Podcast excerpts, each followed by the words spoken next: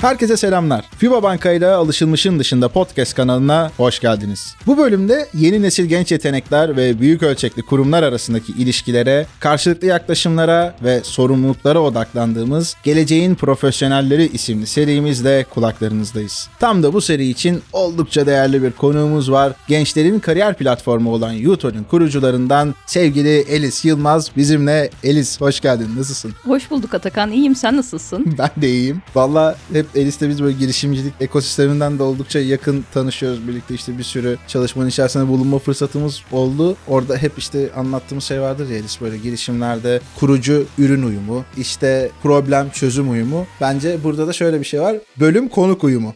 ee, yani bu pek çok bölümümüzde var ama burada bence has safhada olan bir durum. Sohbetin ilerleyen dakikalarında sevgili dinleyicilerimiz de neden böyle dediğimi daha iyi anlayacaktır diye düşünüyorum. Ben de heyecanlıyım bakalım.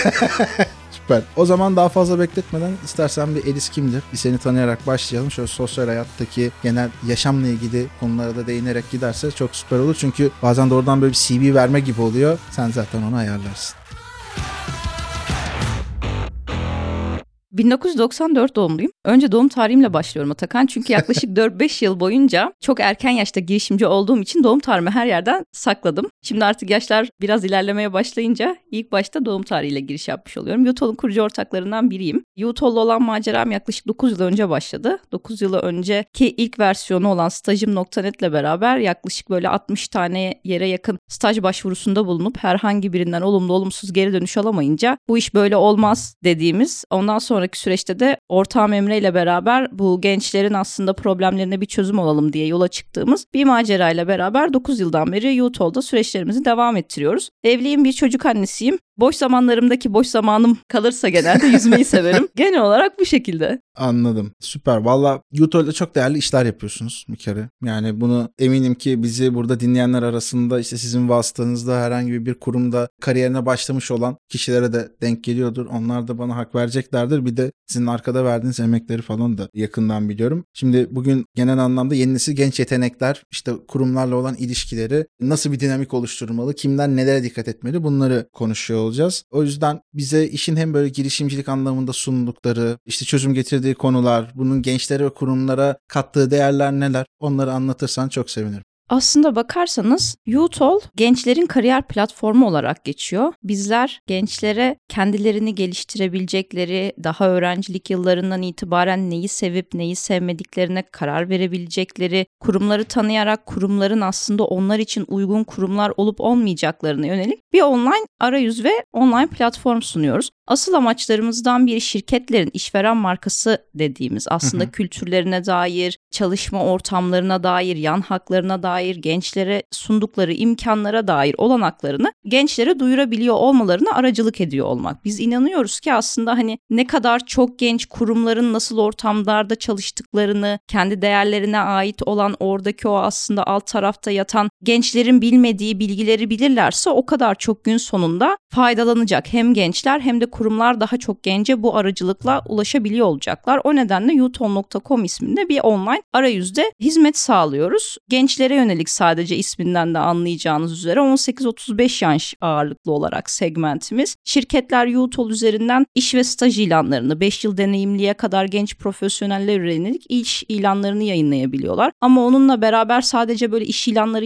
yayınlamakla kalmadıkları aynı zamanda aslında bakarsanız işte bahsettiğim gibi gençlere ulaşmak için etkinliklerini, eğitimlerini, bir takım içeriklerini, bir takım yeni nesil aslında programlarını, projelerini de bizimle beraber hem hayata geçirip hem de sonrasında Utol aracılığıyla gençlere ulaştırabildikleri bir altyapı sağlayıcısıyız. Anladım süper. Bir yandan işi şöyle bir tarafı var. Dijitalleştirmenin de aslında zor olduğu ve yakın zamana kadar da bayağı geleneksel de giden bir alan. Evet. Değil mi? Maalesef. Yani. yani belki pandeminin bizim için tek tek iyi taraflarından bir tanesi dijitalleşme insan kaynaklarında çok hızlı bir şekilde hızlandı. Belki de 5 yıl 6 yılda gelinebileceği noktaya çok daha kısa bir sürede gelmek zorunda kaldı insan kaynakları Tabii. profesyonelleri. Süreçlerin o kadar hızlı dijitalleşmek zorunda kalmasıyla beraber de bizim gibi platformları olan hem kullanım yatkınlığı hem de aynı zamanda ihtiyaç aslında doğal bir yolda oluşmuş oldu. O nedenle ilk başlarda çok zorlanıyorduk gerçek anlamda böyle hem kurumlara ulaşırken hem de gençlere biz böyle bir platformuz ve burada kurumlar var derken. Ama şimdi artık kurumların daha fazla ilgi göstermeye başladığı bir yere doğru yavaş yavaş evriliyor süreç. Bir yandan kurumlara ciddi de aslında data da sunmuş oluyorsunuz. Tabii. Yani değil mi? Bir sürü farklı segmentasyonu var. Yani bilmiyorum orada nereye ne kadar şu anda bahsetmek istersin ama çok farklı farklı alanlarda içgörüler sunabiliyorsunuz. Bu da bence kurumlardaki çalışan deneyim ekipleri için oldukça değerli bir konu. Tabii yani hatta kimi zaman sadece işte yaş kırılımına göre değil, üniversiteye göre, bölüme göre, cinsiyete göre, sınıfa göre, yaşadığı bölgeye göre ve benzeri çok farklı yani hatta bir kişinin 40'a kadar farklı verisini ve datasını sağlayabiliyoruz. Bu da aslında bakarsanız segmentli zaten gence ulaşmak isteyen şirketler Tabii. olduğu zaman hani ben nokta atışı şu profillerde gençlerle bir araya gelmek istiyorum diyen şirketler olduğu zaman son derece anlamlı oluyor. O nedenle de şirketler kimi zaman bizi tercih ediyorlar.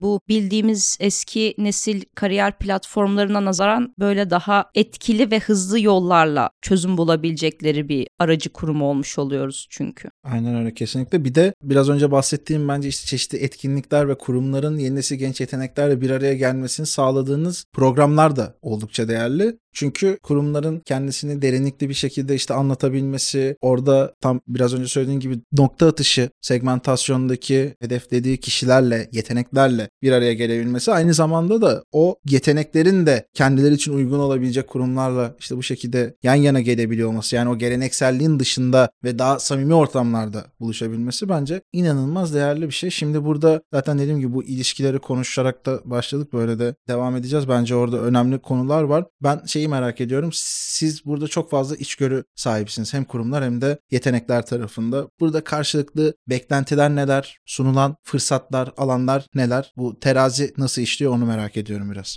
Atakan gençler etki yaratmak istiyor. Öncelikle en net gözlemlediğimiz şeylerden biri. Özellikle son dönemde Z jenerasyonunun iş hayatına daha fazla yaşlarının da ilerlemesinden dolayı aktif olarak girmeye başlamasıyla beraber hem Y kuşağının hem Z kuşağının doğal onların yapısal ve getirisi olarak aslında bakarsan iş ve özel yaşam dengesini son derece önemsiyorlar. Beklentilerden en önemlilerinden biri bu iş ve özel yaşam dengesini dengede tutabilecekleri kurumların arasında çalışabiliyor olmak. Dediğim gibi etki yaratabilecekleri kurumların arasında çalışıyor olmayı çok önemsiyorlar. Tabii mevcut ekonomik koşulları da günümüzde göz önünde bulundurursak hani maaş beklentisi son derece aslında gençler için artık önem taşıyan konulardan biri olmuş oluyor. Ama aynı zamanda bir de kendilerini geliştirmek istiyorlar bulundukları kurumlarda. Böyle yaptığımız bütün anketlerde eğitim ve gelişim olanaklarına önem veren, kendimi geliştirebileceğim ve ilk başta da dediğim gibi etki yaratabileceğim kurumlarda yer alıyor olmak istiyorum diyorlar. Aslında gençlerin beklentisi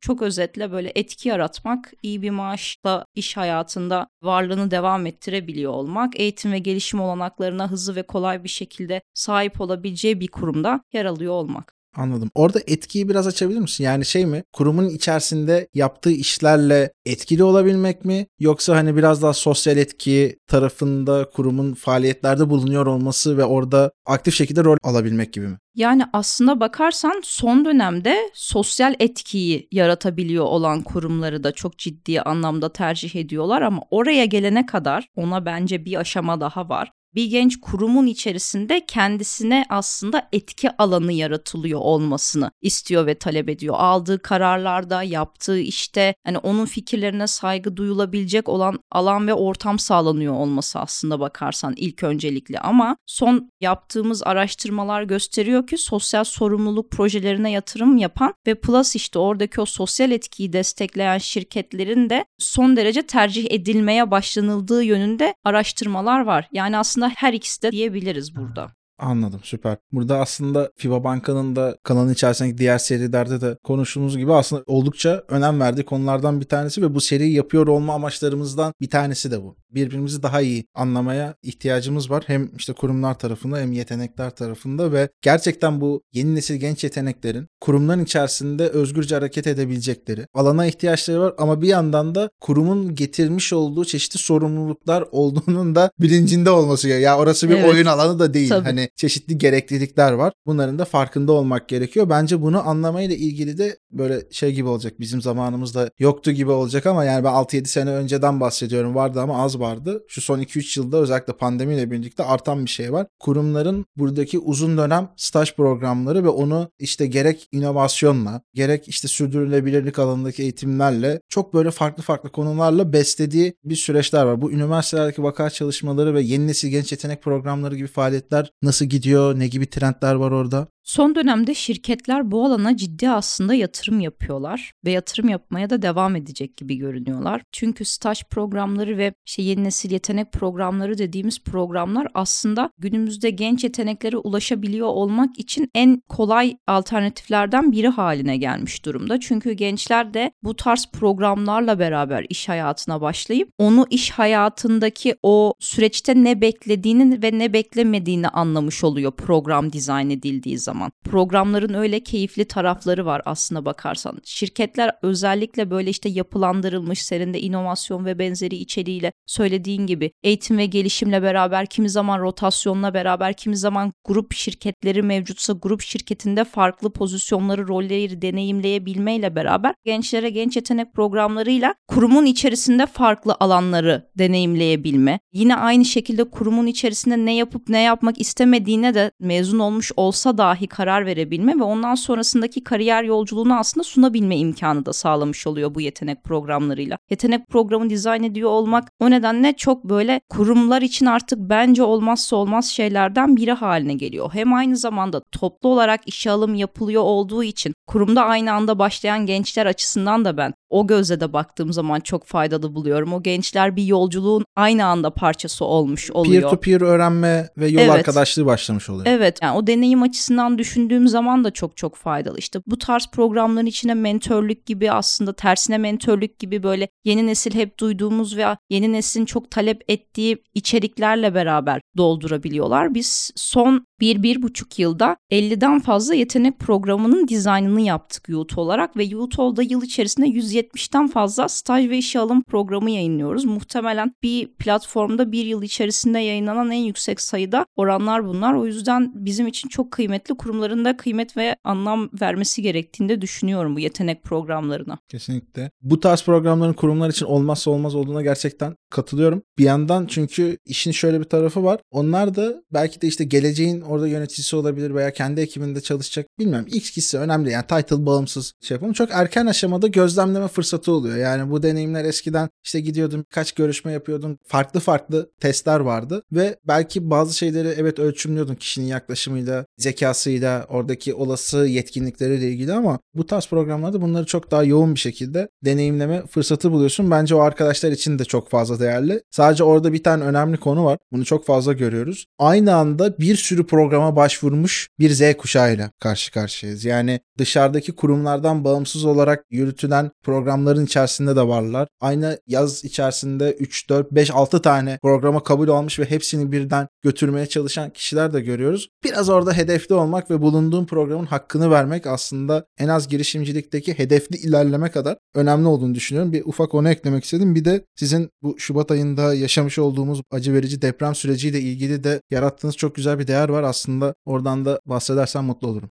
Tabii Şubat ayında çok yıkıcı bir süreçten geçtik. Hepimizin de maalesef takip ettiği üzere. Biz de yaklaşık böyle depremin ardından ilk haftadan sonraki süreçte ilk başta yardımlarımızı yaptıktan sonra ne yapabiliriz acaba o deprem bölgesindeki genç arkadaşlarımız için diye tabii üstüne düşünmeye başladık. Ondan sonraki süreçte de aslında böyle hızlı gerçekleştirilen ilk yardımların ardından en çok fark ettiğimiz şey tabii insanlar ister istemez işini, evini, yakınlarını yakınlarını kaybettiler ve aynı zamanda da kurulu düzenlerini kaybetmiş oldular. Bizler de o nedenle aslında Seninleyiz ismini verdiğimiz bir genç istihdam seferberliği başlattık. Bu genç istihdam seferberliği ile beraber de o bölgede depremden etkilenmiş, bahsettiğim gibi evini, işini, yakınlarını kaybetmiş olan gençlere yönelik hali hazırda farklı şirketlerin iş ve staj ilanlarını yayınlayarak onlara aslında ekstra imkanlar sağlayabileceğimiz bir seferberlik hareketiydi genç istihdam seferberliği. Şu ana kadar 10 binden fazla genç istihdam seferberliği kapsamında taleplerini bizlerle paylaştılar. Yaklaşık 500 kurumun katıldığı ve talep gönderdiği bir hale geldi. youtol.com senin neyiz adresinden hali hazırda hem gençler girip Youtol'da CV'lerini oluşturup depremden etkilendiklerini beyan edebiliyorlar. Bu beyanlar bizim ekip arkadaşlarımıza düşüyor ve bu beyanların sonucunda sadece depremden etkilenmiş olan gençlere özel açılmış iş ve staj ilanları kontenjanlarına gençler başvurular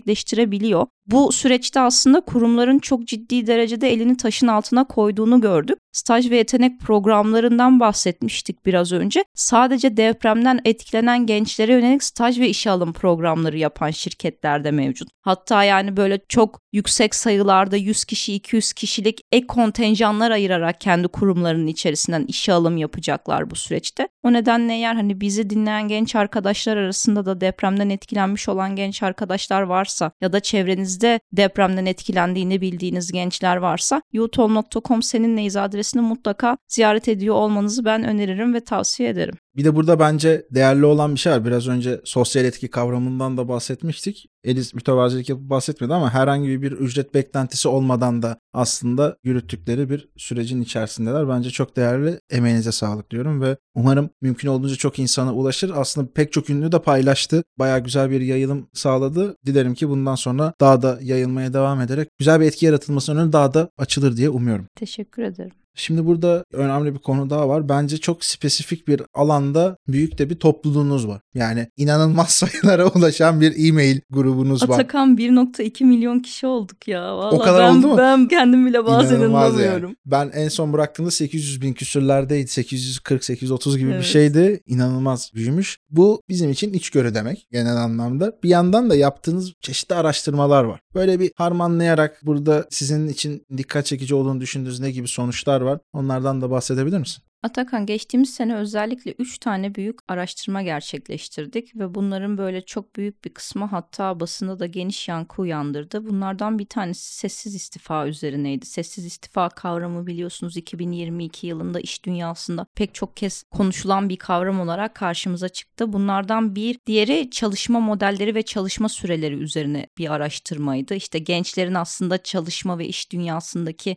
biraz daha süreye ve beklentilerini anlamaya yönelik bir içerikti. Bir tane de değişen genç yetenek beklentileri üzerine bir araştırma gerçekleştirdik. Aslında size bugün burada verebileceğim bu üç araştırmanın ve işte YouTol kullanıcılarının katılımıyla gerçekleşen bu üç araştırmanın ortak birkaç rakamı ve öngörüsü olabilir. Onları belki paylaşabilirim Süper olur. birkaç tane bizi de üzen veriyle karşılaştık bu süreçte. Genelde kurumlar bu işin kimi zaman belki de toz pembe tarafını görebiliyorlar ya da bizler iş hayatındayken gençlerin gerçekten ne hissettiklerini ne düşündüklerini anlamadığımız günler geçirebiliyoruz o iş dünyasının verdiği yoğunlukla beraber. Ama çok ilginçtir ki bana sorarsanız dediğim gibi üzücü de rakamlardan birini kendini çalıştığı yere ait hissedenlerin oranı gençlerin arasında sadece %18.5. Çok acı bir rakam. Bir kurum segmenti var mı bu arada? Yani işte büyük ölçekli kurumlar, değil mi? Holding veya grup şirketleri, Yani KOBİ'ler bilmiyorum. ağırlıklı olarak bu ankete hali hazırda büyük ölçekli ve işte orta ölçekli diyebileceğimiz segmentteki şirketler katıldı. Bizim genelde çalıştığımız şirketlerin segment ve profilleri de biraz daha o yönde oluyor. Hı hı. Bununla beraber çalışma süreleri ve modelleri anketinde 1130 tane gence şu anda mutlu musun diye sorduk. Gençlerin %46'sı kendisini mutsuz hissettiğini söyledi. %54 mutlu hissediyorum mu diyor yoksa kısmen falan gibi seçenek var mıydı? Kısmen var. İşte Hmm. ne mutluyum ne mutsuzum kararsızım var. Hmm. Bilmiyorum buna cevap vermek istemiyorum var ama en ağırlık maalesef mutsuz. Ve her üç gençten birinin fazla mesai yaptığını gördük. Yani burada aslında üç tane üzücü rakam ve anket sonucu seçerek geliyor olmamın nedeni kurumlar çok yatırım yapmaya çalışıyorlar. Biz hep bunu konuşuyoruz işte yetenek programlarını konuştuk, işe alım programları tarafında yaptıkları içerikleri ve yatırımları konuştuk. Ama Türkiye'de gençlere yönelik daha gideceğimiz çok yol ve yapacağımız çok şey var. Burada belki de kurumlara daha fazla yatırım yapıyor olmaları gerektiğini, gençlerin aslında iş dünyasında kendilerine yer edinebiliyor olmaları için kendilerine kendilerini iş dünyasında daha mutlu hissedebiliyor olmaları için kendilerini iş dünyasındaki çalıştıkları kurumlara ve şirketlere daha fazla ait hissedebiliyor olmaları için yapılacak çok şeyin olduğunu gösteriyor bu rakamlar ve datalar bize. O nedenle bu podcast aracılığıyla da aslında kurumlara bir mesaj vermiş olalım. Yaptıkları işler tabii ki çok güzel ama gidilecek daha çok yolumuz var maalesef. Bu da bunun göstergesi.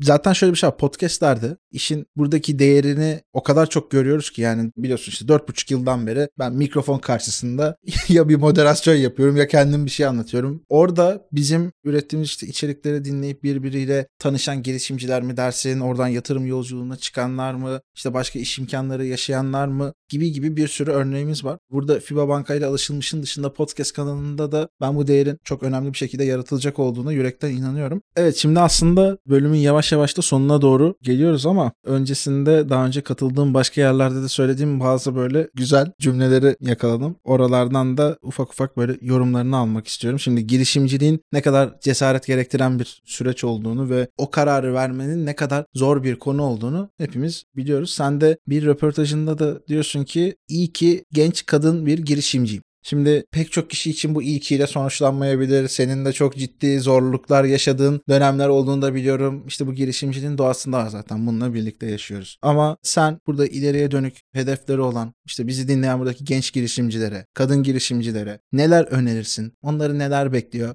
Çok geniş bir konu bu arada farkındayım ama şöyle 2-3 tane konuyla altını çizerek değinsek faydalı olur. Girişimcilik roller coaster gibi. İlk bindiğin zaman ne olduğunu önce anlamıyorsun ama ondan sonra böyle bir aslında o tutkuyu, o işte bu heyecanı aldığın zaman da insem mi inmesem mi devam etse mi etmese mi bir karar veremiyorsun. İnişleri çıkışları olan bir macera aslında bana soracak olursan. Tabii ki bence çok zor ve herkesin yapabileceği bir şey mi ayrı bir tartışma konusu üzerine gerçekten saatlerce konuşup bununla ilgili yorum yapabiliriz. Ama çok keyifli. Şöyle keyifli çünkü. Şimdi ben genç bir kadın girişimciyim ve üniversitede okuduğum dönemde aslında girişimcilik yolculuğum başlamış oldu. O dönemde kurumsal hayatta ilerliyor olmayı tercih etseydim bugün belki de pek çok hayatımda attığım adımdan daha farklı bir adım atmış olacaktım. Bugün çok daha fazla saatler çalışıyorum. Bazen belki çok daha zorluklar yaşıyorum ama yine de şunu biliyorum kendim için çalışıyorum. Bence çok anlamlı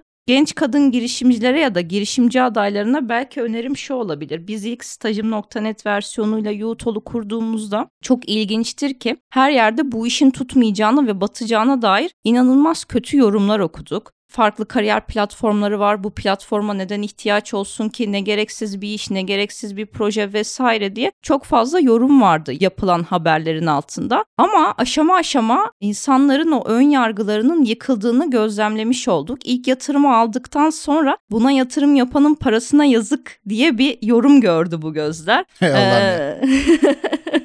Sonraki süreçte hali hazırda işte biz YouTube olarak Türkiye ile beraber Fransa'da bir operasyon başlattık. Fransa'da ilk operasyonumuzu başlattığımız zaman da yürü be Yutol kim tutar seni cümlesini de okudu aynı gözler. O yüzden aslında ilk başlarda ön yargılı olan insanlar sonraki aşamalarda yavaş yavaş sizler başarılı oldukça ön yargılarını kırmaya ve yıkmaya devam ediyorlar. O nedenle girişimci adaylarına en büyük buradan belki de söyleyebileceğim şey ön yargılara hazırlıklı olun ama ön yargılarla da karşılaşırsanız kulaklarınızı tıkamayı iyi bilin. Kendi doğru bildiğiniz yoldan ayrılmadan devam ettiğiniz sürece aslında başarının geldiğine şahit olacaksınız. Tabii ki. Sadece buradan geri bildirim almayın gibi sonuç çıkmasın. Ön yargıyla karşılaşmak ve orada karşısındaki kişiyi tamamen yıpratmak amacıyla. Belki kıskançlıktan, belki kendi mantığına oturmadığından her neyse çok bireysel bir düşüncesinden gelen bir yorumla karşılaşmak ayrı bir şey. Ama abi güzel fakat şunu daha iyi yapsan, şurası şöyle olabilir vesaire gibi konuları da ön yargı olarak da algılamadan böyle bir işin dengesini kurarak ilerlemek gerekiyor. Ama olumsuzlara zaten kulak asarsak yani şu odadan bile çıkamayız yani orası çok net. Orada aslında gerçek anlamda bir süzgeçten geçirip hangi yorumu algılayacağım ya da hangi yorumu uygulayacağım, hangisini uygulamayacağım diye iyi karar vermek lazım. Kimi zaman söylenen her iyi yorum da işin eğer içeriği bilinmiyorsa iyi yorum olmayabiliyor ama yani.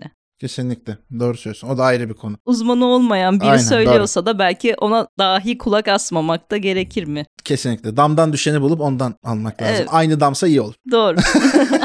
Evet süper. Bir de yine bir röportajında da Yahoo'nun eski genel müdürü Marisa Mayer'i de böyle kendini idol olarak gördüğünü söylüyorsun. Bu işte bir kadın lider olmasından falan gelen bir konu mu yoksa başka bir vizyon stratejisi mi var? Son kapatmadan önce de bir onu merak ettim. Marisa Mayer Google'ın ilk kadın mühendis çalışanı. Yahoo'ya geçmeden önce Google'da aslında kariyerini başlıyor ve Google'ın ilk 20 çalışanından da biri. Google'da çok ciddi anlamda başarılara ulaştıktan sonra tabii ki sonraki süreçte kariyerinde Yahoo'da devam ettiği bir süreçle ilerliyor. Şimdi zaten kendi işini yaparak süreçlerini devam ettiriyor ama çok ilginçtir ki Google'da çok başarılı olmasına rağmen Yahoo'da bir takım çalkantılarla beraber kariyerinde hem başarılar hem başarısızlıkları tadan bir kadın yönetici. Biraz daha da düşündüğümüz zaman Marisa Mayer'ı sadece başarılarıyla değil aynı zamanda başarısızlıklarıyla da takip ettiğim için seviyorum. Hayatta her zaman her an başarılı olabileceğiz diye bir şey yok. Biraz sadece başarıları için değil de başarısızlıklarıyla da kabul ettiğim için olabilir belki. Anladım süper bence baya değerli. Bu biraz insanların egodan uzaklaşmasıyla ilgili de bir şey. Çünkü hayatın içerisinde bu var. Yani kaçırdığın basit bir mail de olabiliyor yeri geldiğinde. Çok iyi yaparım diye böyle gerine gerine dolaştığın bir işte çok basit bir hatadan dolayı her şeyin rezil olması da olabiliyor. Bunlar hayatın içerisinde Evet. var.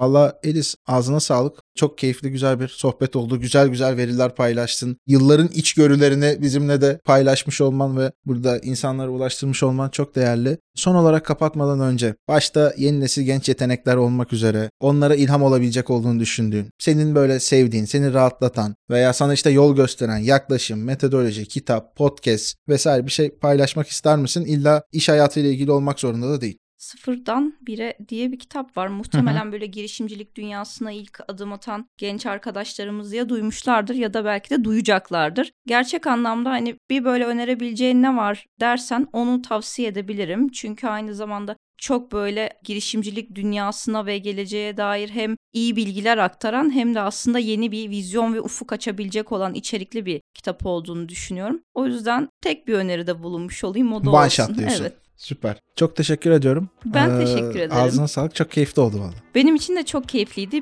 Burada bir arada olmamızı sağlayan FIBA Banka'ya da çok çok teşekkür ederim. Böyle bir aracılıkla beraber hem kurumlara hem gençlere ulaşabiliyor olmamızı sağladıkları için sana da çok teşekkür ederim. Ağzına sağlık. Çok sağ ol. Evet sevgili dinleyiciler bir bölümün daha sonuna geldik. Bence buradaki önemli cümlelerden bir tanesi şu hem başarılar hem de başarısızlıklarla birlikte yaşamayı öğrenmekti. Onun altını bir kere daha çizmek istedim. Özellikle kariyerin başlangıcında bunların hepsine hazır olmak oldukça önemli ve değerli. Oralarda adım attıkça bence ne demek istediğimi daha iyi anlayacaksınız diye de düşünüyorum. Bir sonraki bölümde yeniden görüşünceye dek kendinize çok iyi bakın. Sağlıkla, merakla ve yenilikle kalın. Görüşmek üzere.